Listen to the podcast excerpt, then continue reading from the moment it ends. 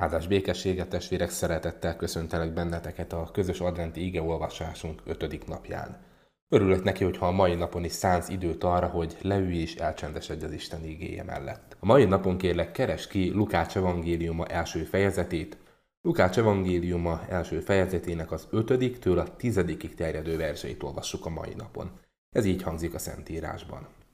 Heródesnek, Judea királyának idejében élt egy pap, név szerint Zakariás, Abijá rendjéből. A felesége Erzsébet Áron leányai közül való volt. Igazak voltak mindketten Isten előtt, és fedhetetlenül éltek az Úr minden parancsolata és rendelése szerint. Nem volt gyermekük, mert Erzsébet meddő volt, és már mindketten idősek voltak. Történt pedig egyszer, hogy amikor rendjének beosztása szerint papi szolgálatát végezte Isten előtt, a papi szolgálat szokott módja szerint sorsolással őt jelölték ki arra, hogy bemenjen az úr templomába, és bemutassa az illatáldozatot. Az egész nép pedig kint imádkozott az illatáldozat órájában. Az Ószövetségi ígéretek után most már egyre közelebb kerülünk testvérek a beteljesedésekhez ezeknek az ígéreteknek. Lukács evangéliumát kezdtük el olvasni a mai napon. Egy házas pár áll itt előttünk az evangéliumban, egy házas pár, akiről hallunk néhány dolgot. Hallunk például egy kor meghatározást, Heródes király uralkodása idején éltek mind a ketten. Zakariás ennek a házaspárnak a férfi tagja, Abijá nemzetségéből, rendjéből származik, és hát foglalkozását tekintve pap. Ezt érdemes tudni róla, hogy ez abban a korban, hogy valaki pap volt, ez nem egy választott tisztség, nem azon múlott, hogy valaki úgy dönt, hogy ő ez akar lenni, és akkor elment valamilyen iskolába, akkor ezt örökölték, a Lévi törzséből származók lehettek csak papok, ők tölthettek be ilyen szolgálatot a templomban, az ő feladatuk volt az áldozatnak a bemutatása. Ezt tehát ő örökölte egyébként gyermekségétől fogva, és jól látni az égében azt, hogy ez számára nem volt egy terhes örökség, mert hogy hűségesen végig szolgálta az életét, ugye hát azt olvassuk róluk, Igazak voltak mindketten Isten előtt, fedhetetlenül éltek az Úr minden parancsolata és rendelése szerint. És nem csak azért, mert ez volt a dolguk, hanem azért, mert ez volt a hitük. A feleségéről is olvasunk róla, és ugyanezeket mondja az ige, ő Erzsébet, szintén egykorú lehet nagyjából Zakariással. Mind a ketten öregek már, ha a koruknál tartunk, hűségesen végig szolgáltak egy egész életet. Van azonban egy beteljesületlen imádságuk. Egy olyan kérésük, egy olyan terhük, amelyet évek óta hordoznak már, nincs ugyanis gyermekük, mert Erzsébet meddő.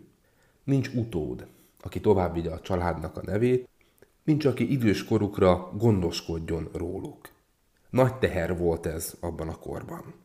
És valahol, amikor meghalljuk ezt, hogy ők végig szolgáltak hűségesen egy életet, igazak, Isten parancsolatai szerint élnek, az egyszeri ember ilyenkor egy kicsit felháborodik, mert azt gondolja és azt mondja, hogy egy végig szolgált élet után nem ezt érdemelnék. Isten azonban, drága testvérek, nagyon sokszor elmondja a Szentírásban, hogy ez nem érdem és nem üzlet alapon működik az ő kegyelme és az imádságok meghallgatása. Jobb könyvénél ugyanezt a felháborodást látjuk, hogy olvassa valaki a napi ige szakaszokat, egy igaz ember látszólag ártatlanul szenved. De ahogyan Jobb esetében is kiderül, úgy itt is kifog majd, hogy bizony Istennek ezekkel a nehézségekkel is terve van.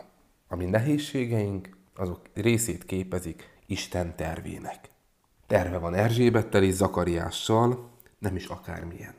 És hidd el, testvérem, hogy Istennek terve van a csendesen hordozott terheiddel. Terve van a meg nem hallgatott, a látszólag meg nem hallgatott imádságaiddal. Ma arra hívlak, gondolkodj el azon, vedd számba az életedben azokat a dolgokat, amelyekért imádkozol, vagy imádkoztál már nagyon sokszor, és úgy tűnik, hogy látszólag hiába, mert nem teljesítette be Isten. Ha ezeket számba vetted, akkor kérd azt ma ebben az adventben Istentől, hogy mutasson rá, hogy ezekkel a terhekkel, beteljesületlen imádságokkal mi a célja. Mire akar tanítani ezzel?